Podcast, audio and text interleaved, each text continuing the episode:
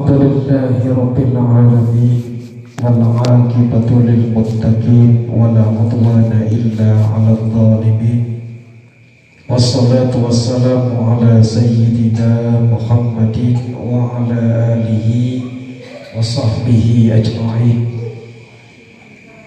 إلهي أنت مقصودي ورضاك مطلوبي أعطني محبتك ومعرفتك Bapak-bapak jamaah pengajian malam Jumat yang dimuliakan oleh Allah Subhanahu wa taala. Malam hari ini kita kata baru kita Tanbihul Khawfilin Tapi sebelum itu mari kita bacakan suratul Fatihah Semoga penulis kitab Tanbihul Khawfilin diberikan tempat yang mulia di sisi Allah Subhanahu wa taala. Khususnya ila hadratil muallif hadal kitab As-Syaikh Nasr bin Muhammad bin Ibrahim As-Samarqandi ببركة القرآن له الفاتحة. أعوذ بالله من الشيطان الرجيم. بسم الله الرحمن الرحيم. الحمد لله رب العالمين. الرحمن الرحيم. مالك يوم الدين. إياك نعبد وإياك نستعين. اهدنا الصراط المستقيم. صراط الذين أنعمت عليهم غير المغضوب عليهم ولا الضالين Amin ya Allah ya Rabbal Alamin Semoga dikabulkan oleh Allah Subhanahu wa Ta'ala Bismillahirrahmanirrahim Di dalam kitab Tanbihul Khafilin Di halaman yang ke-144 dijelaskan pada suatu ketika Baginda Nabi Musa alaihi salam bertanya kepada Allah Subhanahu wa taala. Qala ya Rabbi kaifa li an a'lama man ahbabta biman abkhadta Kalau bahasa kita gini Ya Rabbi Wahai Tuhanku Kaifali An a'lama man ahbabta Biman abkhabta Bagaimana aku mengetahui Siapa orang yang engkau cintai Dan siapa orang yang engkau benci jadi Nabi Musa bertanya kepada Allah Subhanahu wa taala bagaimana caranya agar Nabi Musa mengetahui siapa orang yang dicintai oleh Allah Subhanahu wa taala dan siapa orang yang dibenci oleh Allah Subhanahu wa taala. Coba Bapak kita semua introspeksi diri. Kira-kira kita ini termasuk orang yang dicintai oleh Allah Atau dibenci oleh Allah? Percaya diri. Coba kita cek. Kita lihat indikatornya. Seorang lagi Baginda Nabi Musa bertanya kepada Allah Ya Rabbi kaifali an a'lama man akhbabta biman abkhabta Wahai Tuhanku, bagaimana aku mengetahui siapa orang yang engkau cintai dan siapa orang yang engkau benci? Qala ya Musa Lalu Allah subhanahu wa ta'ala menjawab Ya Musa, wahai Musa Ini sesungguhnya aku Ida ahbabta abdan jika aku mencintai seorang hamba Ja'altu fihi ala mataini Maka aku akan menjadikannya padanya dua macam tanda Jadi kalau Allah mencintai seorang hamba Maka akan ada ciri pada hamba itu dua macam tanda. Mudah-mudahan dua macam tanda itu ada pada diri kita semua Apa tanda yang pertama dari orang yang dicintai oleh Allah Subhanahu wa taala? Nabi Musa bertanya, "Qala ya Rabbi wa ma huma?" Wahai Tuhanku, wa mahuma apa kedua macam tanda tadi? Lalu Allah Subhanahu wa taala menjawab qala ulhimuhu dzikri likai adkurahu fi malakutis samawati wal ardi wa'simhu an maharimi wa sukhuti kai la yahillu alaihi adabi wa nikmati. Dua macam tanda orang yang aku cintai itu kata Allah Subhanahu wa taala yang pertama adalah ulhimuhu dzikri bersama-sama ulhimuhu dzikri. Lagi. Likai adkurahu ala malakutis samawati wal ard. Tanda yang pertama orang yang dicintai oleh Allah Subhanahu wa taala ulhimuhu Orang itu akan diringankan oleh Allah Subhanahu wa taala di dalam berzikir kepada Allah Subhanahu wa taala. Zikir itu artinya mengingat. Zikir artinya menyebut. Zikir artinya memuji. Zikir artinya mengagungkan. Jadi zikrullah berarti ingat kepada Allah. Zikrullah berarti mengagungkan Allah. Zikrullah berarti menyebut Allah. Nah, orang yang dicintai oleh Allah akan diberikan keringanan oleh Allah Subhanahu wa taala sehingga orang itu selalu ingat dengan Allah Subhanahu wa taala, lisannya selalu menyebut dan memuji Allah Subhanahu wa taala dalam perilakunya selalu mengagungkan Allah Subhanahu wa taala. Kira-kira nih, kira-kira kita kalau pikir kuat berapa jam dalam satu hari?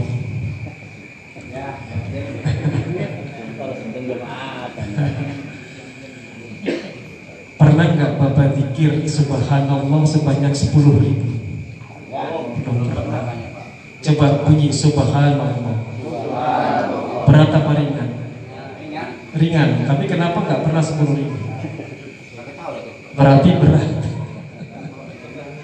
Alhamdulillah coba. Alhamdulillah. Ringan apa berat? Berapa puluh ribu dalam sehari? Tuh. Berarti berat. Berarti berat.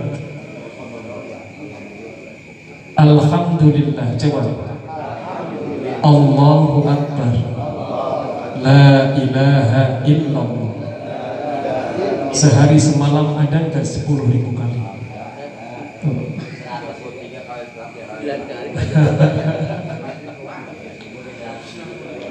Berat apa ringan? Makanya dilatih. Orang yang dicintai oleh Allah, ciri yang pertama adalah ulehimuhu dzikri. Orang itu akan diringankan oleh Allah Subhanahu wa taala dalam berzikir kepada Allah. Muji Allahnya rasanya ringan, gak berat. Kalau Bapak kita semua masih muji Allah rasanya berat, harus diperkuat terus. Tingkatkan lagi dikirnya. Jadi 33 itu jangan jadi patokan seolah bilangan paling banyak. Itu tapak awal. Permulaan. Jadi dikirnya pemula itu 33 Kalau sudah masuk di level toriko Dikir setiap selesai sholat sekurang-kurangnya 165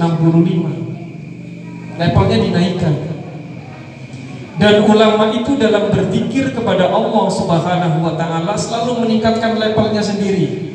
Kalau 33 sudah ringan, tingkatkan. 165 sudah ringan, tingkatkan. Jadi yang meningkatkan diri kita sendiri. Kalau Bapak zikir 33 juga rasanya masih berat pesan saya tingkatkan terus pikir kita kepada Allah Subhanahu biar kita semua jadi orang yang dicintai oleh Allah. Paham ya Pak? Bapak ingat Allah terus apa Jawab yang jujur, lagi nyupir ingat Allah apa enggak? Enggak. Lagi nonton TV ingat Allah apa enggak? Lagi ngelas ingat Allah apa enggak? Ayo jawab jujur. lagi lagi nyemen ingat Allah apa enggak? Tuh, hati-hati. Jadi orang yang dikir kepada Allah diringankan dalam menyebut Allah, diringankan dalam mengingat Allah, diberikan kemudahan oleh Allah, itu tandanya Allah cinta dengan orang itu. Kalau ada orang gak mau dikir kepada Allah, gak mau ingat Allah, gak mau nyebut Allah, gak mau puji Allah, gak mau ngagungin Allah, hati-hati jangan bangga, jangan seolah-olah hebat. Jangan berpikir begini, kalau bapak gak sholat terus seolah-olah bapak itu hebat. Kalau bapak gak sholat, itu sebenarnya Allah benci dengan bapak. Gak mau ketemu bapak. Bukan kemudian seolah-olah Bapak yang hebat gak mau ketemu Allah Allahnya yang benci dengan Bapak Sehingga Bapak gak punya kekuatan untuk bisa mendekatkan diri kepada Allah subhanahu Kalau kita gak mau ngaji di jalan Allah Bukan berarti kemudian Bapak yang hebat gak ngaji Allah benci dengan orang yang tidak mau mendekatkan diri kepada Allah Jadi jangan dibalik-balik kalau ada orang yang gak sholat terus merasa dirinya hebat, eh enggak, Allah lagi benci sama situ. Allah lagi murka sama situ, makanya Allah gak mau lihat muka situ. Jadi jangan dibalik kalau orang gak sholat jangan percaya diri. Saat ini belum diapa-apain oleh Allah. Tapi Allah berjanji di dalam Al-Quran Masalah kakum fi sakor Qalu lam naku minal musallin. Ini Quran surat Al-Mudathir Kata Allah begitu menjelaskan tentang penghuni neraka ditanya masalah kakum fi sakor apa yang menyebabkan kalian masuk ke dalam neraka sakor Qalu mereka penghuni neraka sakor menjawab lam naku minal musallin kami adalah orang-orang yang ketika hidup di dunia tidak mendirikan sholat jadi kalau ada orang gak sholat kemudian perasaan gak diapa-apain itu namanya Allah masih memberikan kesempatan. Lagi ditunggu tobatnya sama Allah Subhanahu. Ketika nanti waktunya tiba gak juga mau tobat kepada Allah dengan taubat dan nasuha pasti akan dihancurkan oleh Allah dengan sehancur-hancurnya. Na'udzubillah, thumma na'udzubillah min dalik. Boleh jadi di dunia masih selamat Tapi di akhirat pasti akan menjadi orang yang celaka Paham ya Pak? Karena apa? Kalau Allah cinta dengan seseorang hamba Maka orang itu akan dijadikan oleh Allah menjadi orang yang mudah Yang diringankan dalam mengingat Allah subhanahu wa ta'ala Saya mau tanya sama Bapak Kita ngaji begini lagi ingat siapa? Yang dipuji siapa? Yang diagungkan siapa? Kalau ada orang gak ngaji, sebenarnya Allah sedang benci dengan orang itu. Paham ya Pak? Jadi jangan pernah berpikir begini, gak usah ngaji saja, itu syaitan. Itu siapa? Setiap ada orang yang mengatakan gak usah ngaji, sebenarnya sifat syaitannya sedang masuk ke dalam orang itu. Kenapa? Karena setan itu paling benci dengan orang yang berilmu. Orang bodoh seribu orang bodoh sholat lima waktu, setan ketawa-tawa. Tapi orang berilmu sedang tidur, setan takutnya luar biasa. Kenapa? Karena kalau orang tidak berilmu melakukan ibadah, gampang dibengkokkan, dibelokkan oleh setan laknatullah. Tapi begitu orang yang berilmu itu bangun akan meluruskan lagi membenarkan ibadahnya orang-orang yang tidak berilmu. Jadi dari hadis yang dijelaskan oleh baginda Nabi Muhammad di dalam kitab Tanbihul Khafilin menjadi pelajaran bagi kita. Apakah kita ini termasuk orang yang dicintai oleh Allah ataukah dibenci oleh Allah? Kalau di dalam melakukan hal-hal yang dapat mengingat Allah kita merasa ringan, Tandanya kita dicintai oleh Allah Subhanahu Mau sholat rasanya ringan apa berat? Hati-hati Mau cari ilmu rasanya ringan apa berat? Mau dikir rasanya ringan apa berat? Kalau rasanya masih berat hati-hati. Itu tandanya Allah belum cinta dengan kita. Kalau Allah sudah cinta dengan kita, ciri yang pertama adalah ulhimuhu dzikri orang itu akan diringankan oleh Allah, dimudahkan oleh Allah di dalam berzikir kepadaku.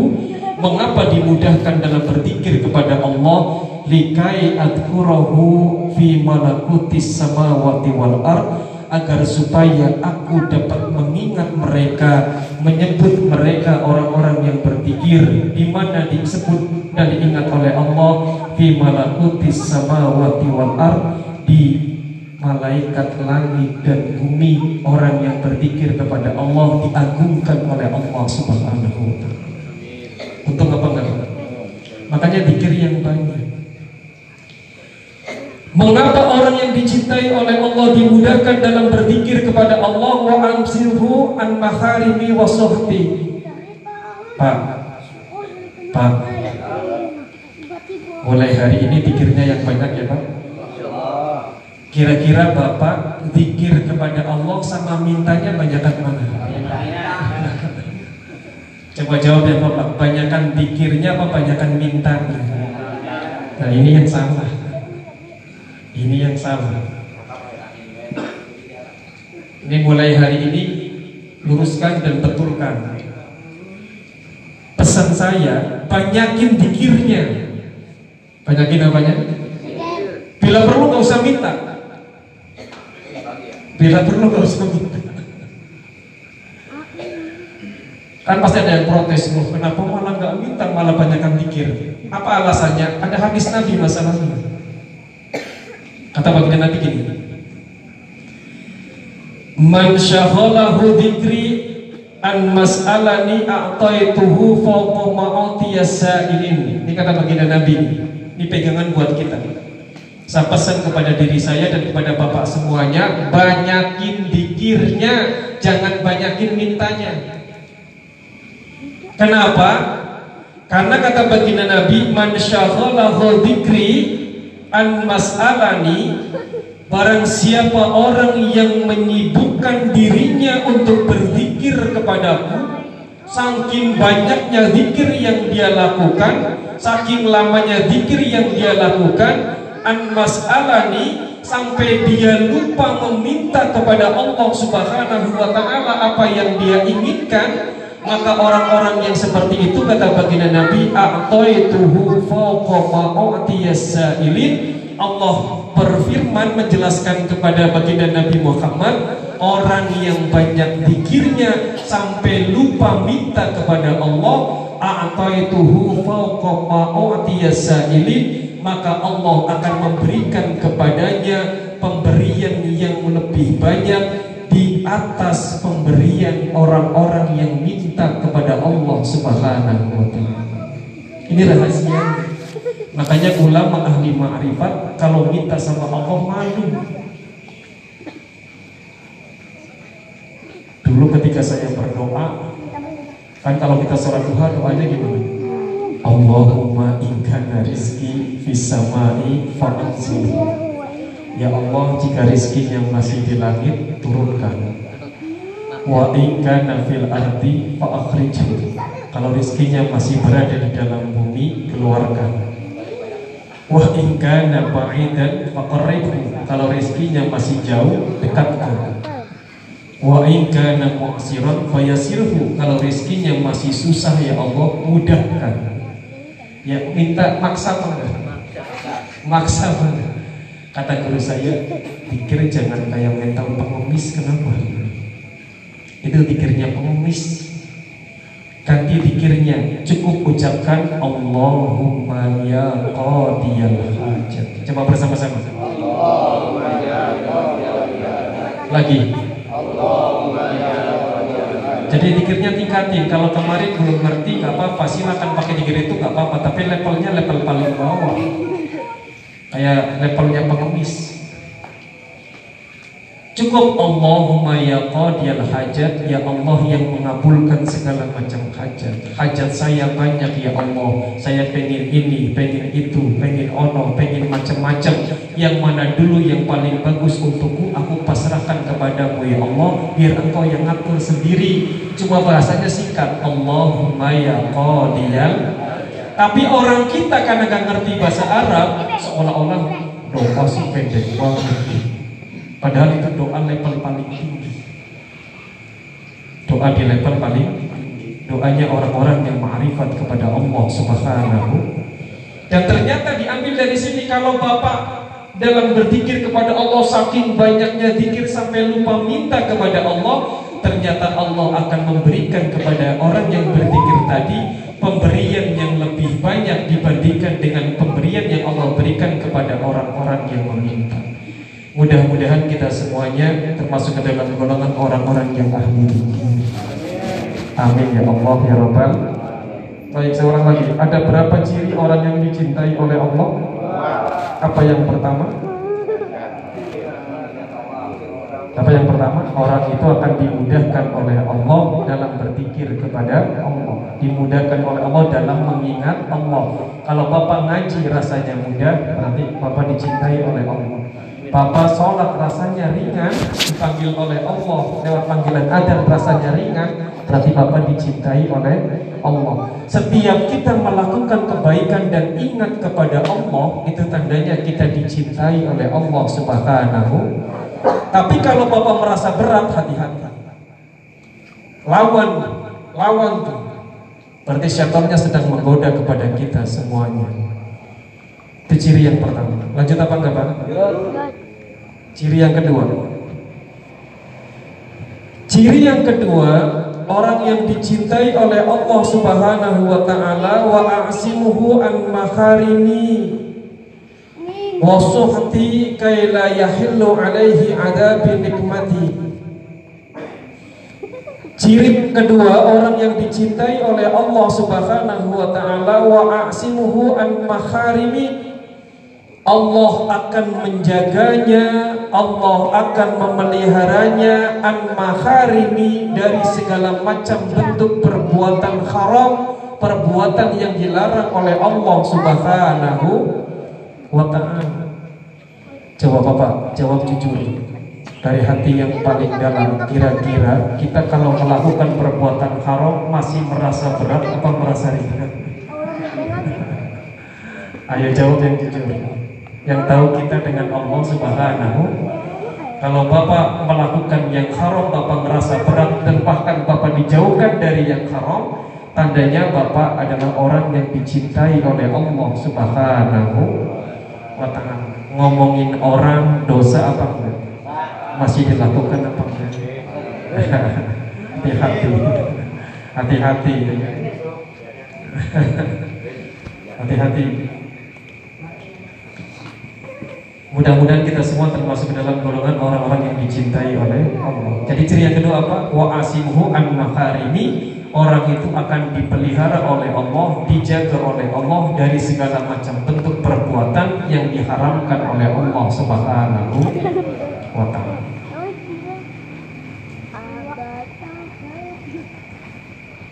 Itu yang ciri orang yang dicintai oleh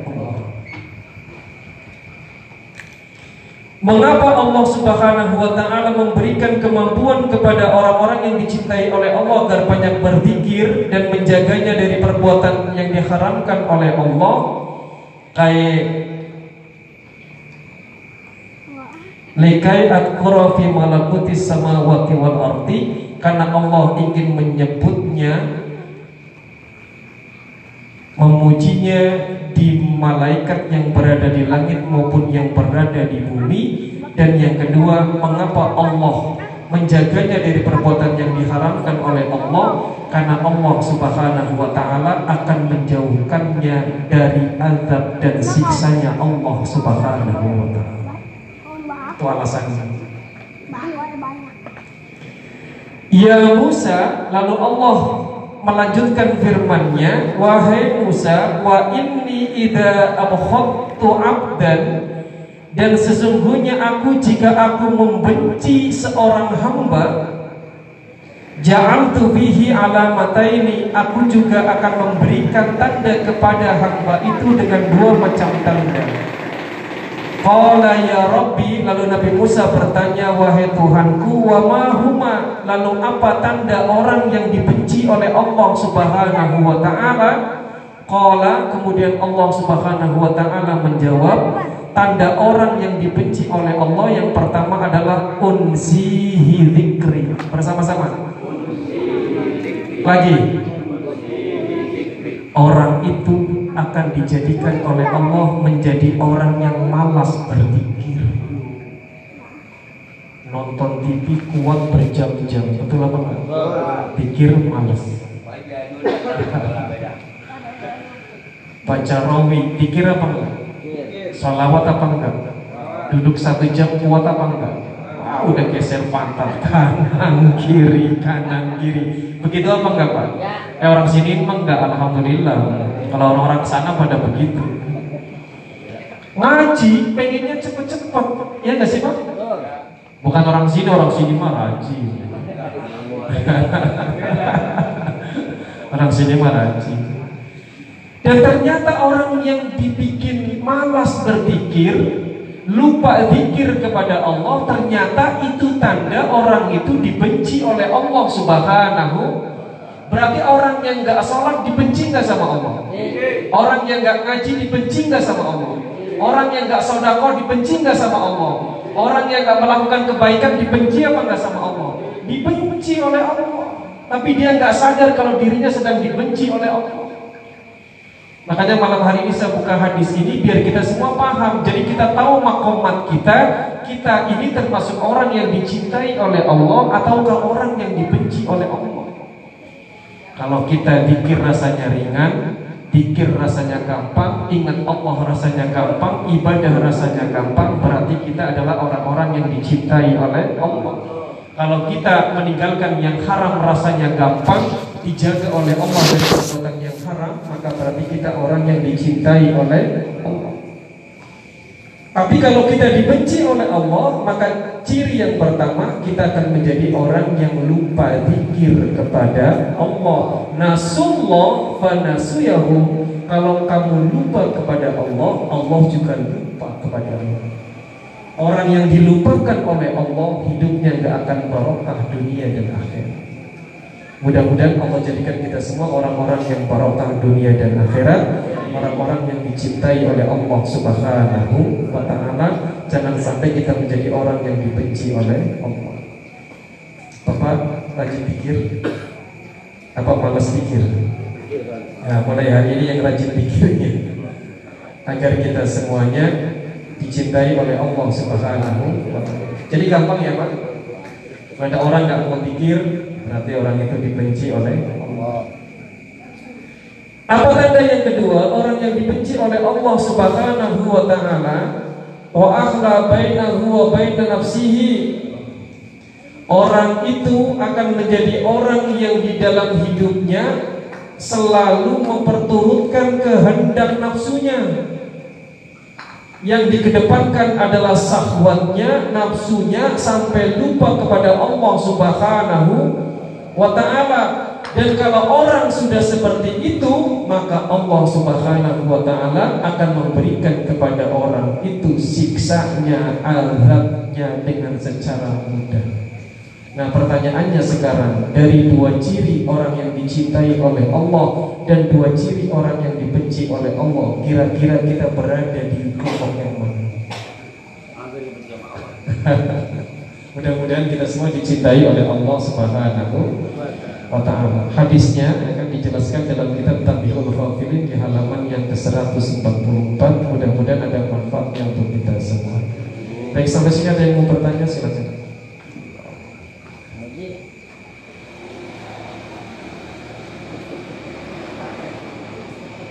Ya Pak, yang belum paham tanya. Assalamualaikum warahmatullahi wabarakatuh. Waalaikumsalam warahmatullahi wabarakatuh. Jadi bahasan pertama Nabi Musa bertanya kepada Allah ya. Apakah pada saat itu ya Pak ya, sudah ada perintah sholat? Iya. Apakah itu perintah itu dikhususkan sudah dikhususkan untuk Nabi Musa atau untuk Nabi Muhammad SAW? Iya. Itu aja Pak, Pak. Selamat selamat saya. Wassalamualaikum warahmatullahi wabarakatuh. Waalaikumsalam warahmatullahi wabarakatuh. Apakah perintah itu hanya untuk Nabi Musa alaihi salam ataukah untuk kita?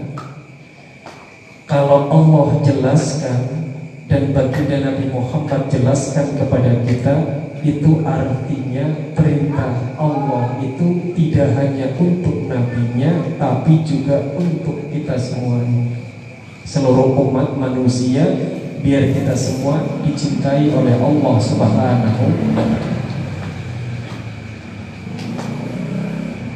Ada gini Pak Ketika Bapak baca di dalam Al-Quranul Karim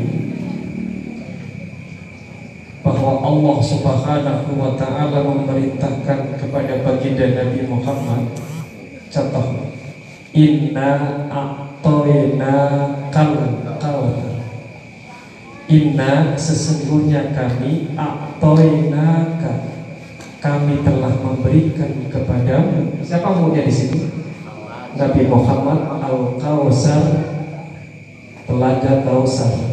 Para mufasir ada yang menjelaskan nikmat yang banyak. Karena telah diberikan nikmat yang banyak fasolli maka dirikanlah sholat rabbika karena Tuhanmu wanhar dan berkorbanlah. Hitopnya kepada baginda Nabi Muhammad Sallallahu Alaihi Wasallam, tapi perintah sholatnya, perintah berkurbannya juga Allah sampaikan kepada kita umat Nabi Muhammad Sallallahu Alaihi Wasallam. Yang kedua, Utlu ma'uhiya ilaika minal kitab. Utlu bacalah ma'uhiya ilaika minal kitab Alkitab yang telah aku wahyukan kepadamu Punya siapa? Baginda Nabi Muhammad Diperintahkan untuk membaca Al-Quran Apakah kemudian hanya untuk Nabi Muhammad? Enggak Untuk kita juga umat Nabi Muhammad Makanya kemudian Nabi Muhammad mengatakan Iqra'ul Quran fa innahu ya'ti yawmal qiyamati syafi'an li ashabi. Jadi kalau ditanya Apakah hitopnya hanya untuk Nabi Musa? Hitopnya Nabi Musa tapi berlaku itunya untuk kita semua. Apalagi Nabi Muhammad menjelaskan kepada kita tujuannya adalah tiada lain agar kita mampu menjadi orang yang dicintai oleh Allah, jangan sampai mempunyai ciri orang yang dibenci oleh Allah Subhanahu wa taala. Yang kedua, Sholat lima waktu itu sebenarnya tanda Allah cinta kepada kita umat Nabi Muhammad. Ini Bapak harus paham sejarahnya. Saya ketika ngaji di pesantren itu ada salah satu kitab namanya Sulamun Apa namanya Pak? Sulamun di dalam kitab Sulamun Najah ternyata dijelaskan sejarah sholat lima waktu. Yang pertama kali sholat duhur, sholat subuh adalah baginda Nabi Adam alaihi salam. Yang pertama kali sholat duhur adalah baginda Nabi Ibrahim alaihi salam. Yang pertama kali sholat asar adalah baginda Nabi Yunus alaihi salam. Yang pertama sholat maghrib adalah baginda Nabi Isa alaihi salam dan yang pertama sholat Isa adalah baginda Nabi Musa alaihi salam.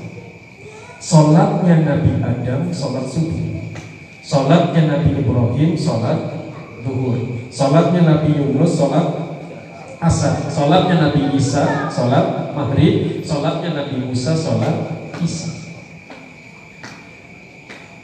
Salatnya para nabi dikumpulkan oleh Allah diberikan kepada kita umat Nabi Muhammad. Apa maksudnya? Karena Allah cinta dengan kita umat Nabi Muhammad. Diberikan amaliyah para nabi. Kita ini bukan nabi, bukan rasul, manusia biasa, tetapi diberikan amaliyah karena Allah ingin menjadikan umat Muhammad sebagai umat yang terbaik di antara umat-umat Nabi Allah yang lain. Tetapi sayangnya banyak di antara umat Nabi Muhammad diberikan amaliyah yang begitu hebat tidak mau mengamalkannya dengan sebaik Yang bodoh siapa? Kita. Ada orang nggak sholat merasa hebat, rugi. Ada orang nggak mendirikan sholat tuhur, eh tenang-tenang aja, rugi. Diberikan amaliyah hebat untuk meningkatkan derajat, malah diamalkan dengan sebaik-baiknya. Andaikan kita umat Nabi Muhammad Sallallahu Alaihi Wasallam mau mengikuti Nabi Muhammad dengan baik, saya yakin kita semua selamat dunia dan akhirat. Apakah sudah ada perintah sholat pada waktu itu sudah ada untuk Nabi Musa yaitu sholat isya. Sholat apa? Isya. Baik ada yang lain silakan. Assalamualaikum warahmatullahi wabarakatuh. Waalaikumsalam warahmatullahi wabarakatuh. Identik dengan zikir kan istilahnya dengan lisan ya kebanyakan seperti itu gitu kita. Apakah ketika kita sedang berbuat sodako ataupun kita sedang mengajak keluarga uh, menjalin silaturahmi kepada keluarga apakah itu termasuk zikir kepada Allah Subhanahu Wa Taala itu saja Waalaikumsalam warahmatullahi wabarakatuh. Pak, zikir Zakara Yadkuru Dikron Artinya ingat. Artinya apa Pak? Ingat. Jadi kalau Bapak lagi nonton TV ingat Allah Berarti Bapak lagi zikir. Bapak lagi naik mobil ingat Allah Berarti Bapak lagi zikir. Bapak lagi arisan keluarga ingat Allah Berarti Bapak lagi zikir. Bapak lagi ngerokok ingat Allah Bapak lagi zikir. Iya Bapak lagi ngopi ingat Allah. Bapak lagi zikir. Zikirnya artinya ingat. Paham Pak? Bapak lagi begini. Subhanallah Alhamdulillah La ilaha illallah Allahu Akbar. Bapak lagi nyebut Allah Berarti Bapak lagi zikir. Jadi zikir itu bisa mengingat Bisa juga menyebut. Bapak lagi mengagungkan Allah Mengagungkan Allah dengan mengamalkan perintahnya. Kayak sekarang kita duduk di majelis ilmu itu mengagungkan Allah. Karena kita mengamalkan perintah Allah subhanahu. Saya mau tanya Yang nyuruh Bapak cari ilmu Allah apa Pak RW? Allah RW Allah. Yang nyuruh mencari ilmu Pak Haji Nur Ali Saya Pak RW, Pak Kadus atau Pak RT atau Allah? Allah saya, Pak RW, Pak Haji Nur Ali, Pak Kadus, Pak RT itu hanya wasilah untuk mengajak semua. Yang mau, alhamdulillah. Yang nggak mau ya kita nggak lepas. Kita namanya gini, sudah nggak berdosa lagi karena sudah dijalankan. Paham ya Pak? Yang mau, alhamdulillah. Yang tidak mau, ya nanti tanggung jawab sendiri di akhirat. Jangan sampai begitu nanti masuk neraka ditanya oleh Allah Subhanahu wa taala, memang belum ada ketika kamu hidup di dunia orang yang mengingatkanmu tentang neraka. Emang gak ada pengajian di kampung berkah? Emang gak ada pengajian di RW 1? Emang gak ada ustadz yang mengajarkan, menjelaskan tentang neraka? Gak ada alasan. Kita semua saksinya, saya saksinya, Pak RW saksinya, Pak Haji saksinya, Pak Kadi saksinya, Pak RT saksinya, tempat ini saksinya. Jadi orang yang gak mau ngaji tanggung jawab sendiri di akhir. Ibadah itu jangan karena manusia. Ibadah itu perintah Allah, jadi lakukan karena Allah Subhanahu wa Ta'ala. Ibadah juga jangan digembosi Kalau ada orang muslim gembosin ibadah Biar orang gak ngaji, biar orang gak sholat Itu namanya wujudnya manusia Tapi kelakuannya seton Kelakuannya apa? Seton Berarti sifat munafik muncul. Karena orang munafik itu cirinya gitu. Al munafikuna wal munafikatu ba'duhum awliya'u ba'din Ya'muruna bil munkar Ya'muruna bil munkar wa yanhauna 'anil ma'ruf Orang munafik itu senangnya mengajak kepada kemungkaran, mencegah kepada kebaikan. Jadi kalau ada orang ngomong, gak usah ngaji, buat apa ngaji, gak pinter-pinter, ngajinya cuma jiping, masih mending jiping daripada gak ngaji. Kan saya udah sering ngomong berkali-kali, kalau mau ngaji bener datang ke rumah silakan, cari waktu saya yang tepat, yang kosong, nanti kita ngaji. Bapak mau ngaji apa sama saya?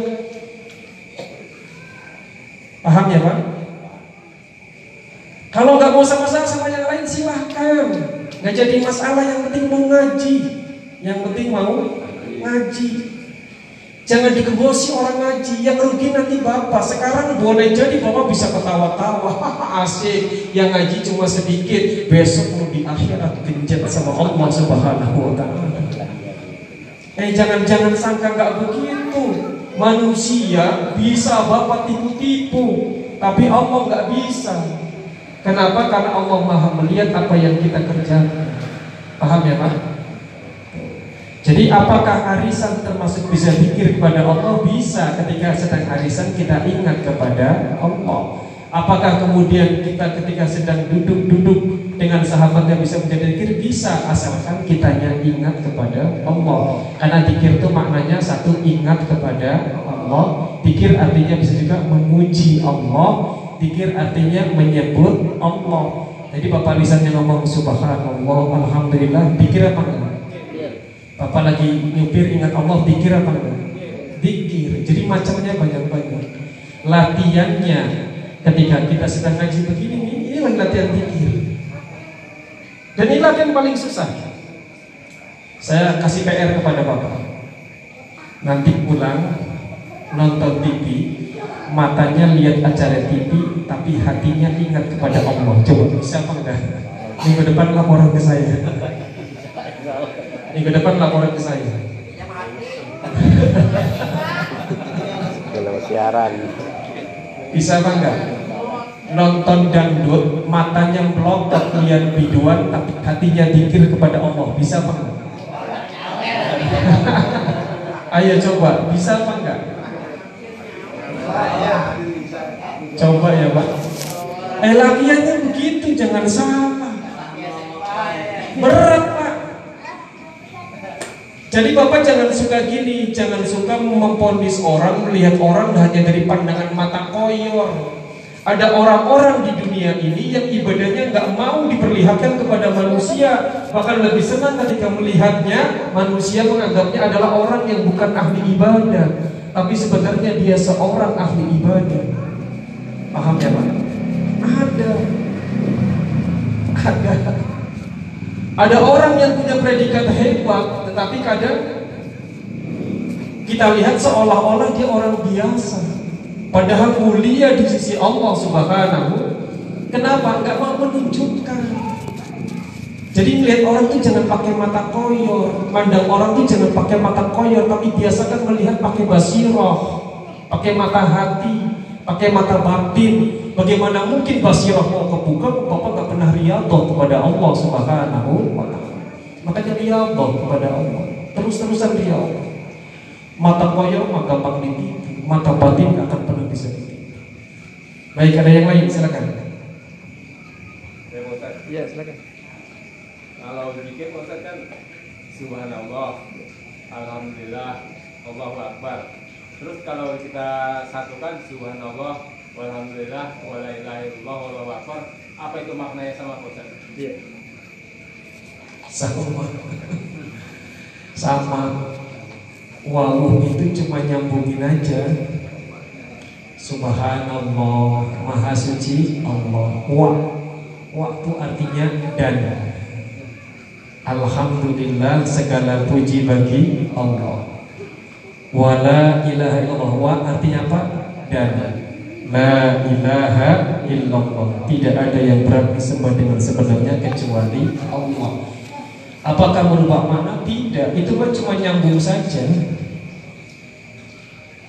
Cuma nyambung saja. Dan huruf atop itu banyak. Ada wawu, ada summa, ada au, ada am, ada imma, macam-macam ya. Wawu artinya dan, summa artinya kemudian, au artinya atau. Paham ya Pak? Makanya belajar nahwu sorof biar tahu. Jadi kalau ada subhanallah mau ditambahin disambung walhamdulillah wala ilaha illallah wallahu akbar wawuhnya itu huruf atau untuk nyambung saja artinya kalau bahasa kitanya dan artinya apa ya Pak. Baik, satu lagi.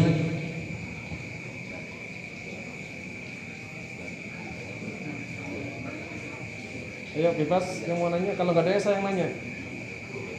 Saya dapat nanya Pak. Iya, silakan. Assalamualaikum warahmatullahi wabarakatuh. Waalaikumsalam Bolehkah kita sholat waktu saat khotib khotbah Iya, di saat Jumat? iya. Sudah. Itu aja sih Pak. Bolehkah kita sholat ketika khotib sedang khutbah? Di sini ada dua pendapat. Tapi kalau Imam Syafi'i, Imam Syafi'i itu kan biasa di kita menggunakan dua adan, iya kan? Dua adan itu terjadi pada masa Sayyidina Utsman bin Affan.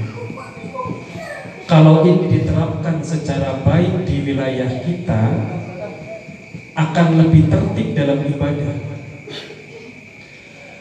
Adan yang pertama itu merupakan adan panggilan kepada orang-orang bahwa sholat Jumat sebentar lagi akan dilaksanakan. Makanya orang-orang berbondong-bondong ketika adan pertama sudah mulai kumpul semuanya. Kalau di kampung tertib, yang nggak tertib itu di komplek-komplek. Penyakitnya kompleks saya muter ceramah ke mana-mana Gak cuma di wilayah sini Jabodetabek Kompleks itu wilayahnya penyakitnya Kumpulnya kalau sudah azan baru pada datang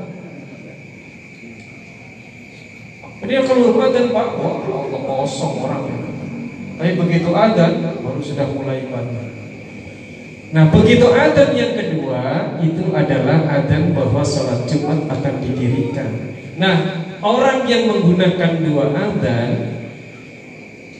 biasanya akan lebih tertib. Kenapa? Dia akan melakukan sholat dulu sebelum dilakukan khutbah Jumat. Jadi begitu khotib naik mimbar dia sudah duduk. Dia sudah. Tapi ada ulama yang lain, ya kan, membolehkan untuk melakukan sholat ketika khatib sedang mimbar karena memang ada rujukan hadis dalam kitab Bulughul Maram. Tapi saya tak suka pakai hadis ini. Jadi ketika baginda Nabi Muhammad SAW sedang berkhutbah, tiba-tiba datang seseorang yang langsung duduk, lalu kemudian diperintahkan oleh Nabi lakukan sholat dulu dua rakaat. Lakukan sholat dulu dua rakaat. Jadi dia melakukan sholat ketika baginda Nabi Muhammad sedang khutbah. Artinya itu pun tidak jadi masalah, tapi saya tidak menyukainya. Dan ulama-ulama mazhab Syafi'i yang lain pun tidak menyukainya. Makanya Syafi'i paling rapi dalam amalnya ibadah. Kalau dibilang boleh, boleh karena memang ada rujukan hadis. Di dalam kitab Bulughul Maram itu dijelaskan oleh baginda Nabi Muhammad jadi jangan suka bilang gini, ah ada yang kedua yang dua kali bid'ah. Jangan suka ngomong begitu. Dulu di waktu baginda Nabi sholat Jumat itu adanya satu. Karena orangnya masih jumlahnya sedikit, belum banyak. Rumahnya belum jauh-jauh. Dari jarak masjidnya masih dekat-dekat. Adan satu masih terpenuhi semua. Tapi begitu seiring berjalannya waktu di zaman Sayyidina Utsman bin Affan, umat Islam sudah tersebar luas ke mana-mana, jumlahnya banyak, masjid yang digunakan jaminnya untuk salat Jumat hanya satu, sementara jarak yang dari rumahnya ke masjid sangat jauh. Kalau adannya cuma satu, orang suka terlambat. Makanya dilakukan adzan dua kali, adzan yang pertama untuk manggil, adzan yang kedua adalah adzan bahwa sholat Jumat mau didirikan. Jangan dikatakan bid'ah. Kenapa? Karena kata baginda Nabi, "Alaikum bisunnati wa sunnatil khulafa'ir rasyidin al-mahdiyyin." Peganglah kamu kepada sunnahku dan sunnahnya khulafaur rasyidin Abu Bakar, Umar, Utsman, Ali. Utsman khalifah bukan? Karena dilakukan oleh Sayyidina Utsman mudah ikuti saja bukan bid'ah. Paham ya? Jadi yang sudah biasa dua, gak usah dirubah-rubah satu, gak usah ikut-ikutan. Gak jadi masalah mau satu, mau dua silakan. Kalau penyakitnya satu gitu jeleknya. Kalau adanya sekali akhirnya nggak beraturan. Khotib lagi naik mimbar dia baru nongol. Kenapa? Karena niat sholat Jumatnya belum ikhlas banget karena Allah Subhanahu. Orang yang bagus tuh gini. Orang yang bagus itu adalah orang yang sebelum dilakukan sholat Jumat Bahkan sebelum masuk waktunya dia sudah duduk Berpikir di dalam masjid. Kayak orang-orang yang berkah Itu hebat luar biasa. Keren. Sambil baca salawat Allahumma sholli wa sallim ala sayyidi Terus wa tabibi qalbi wa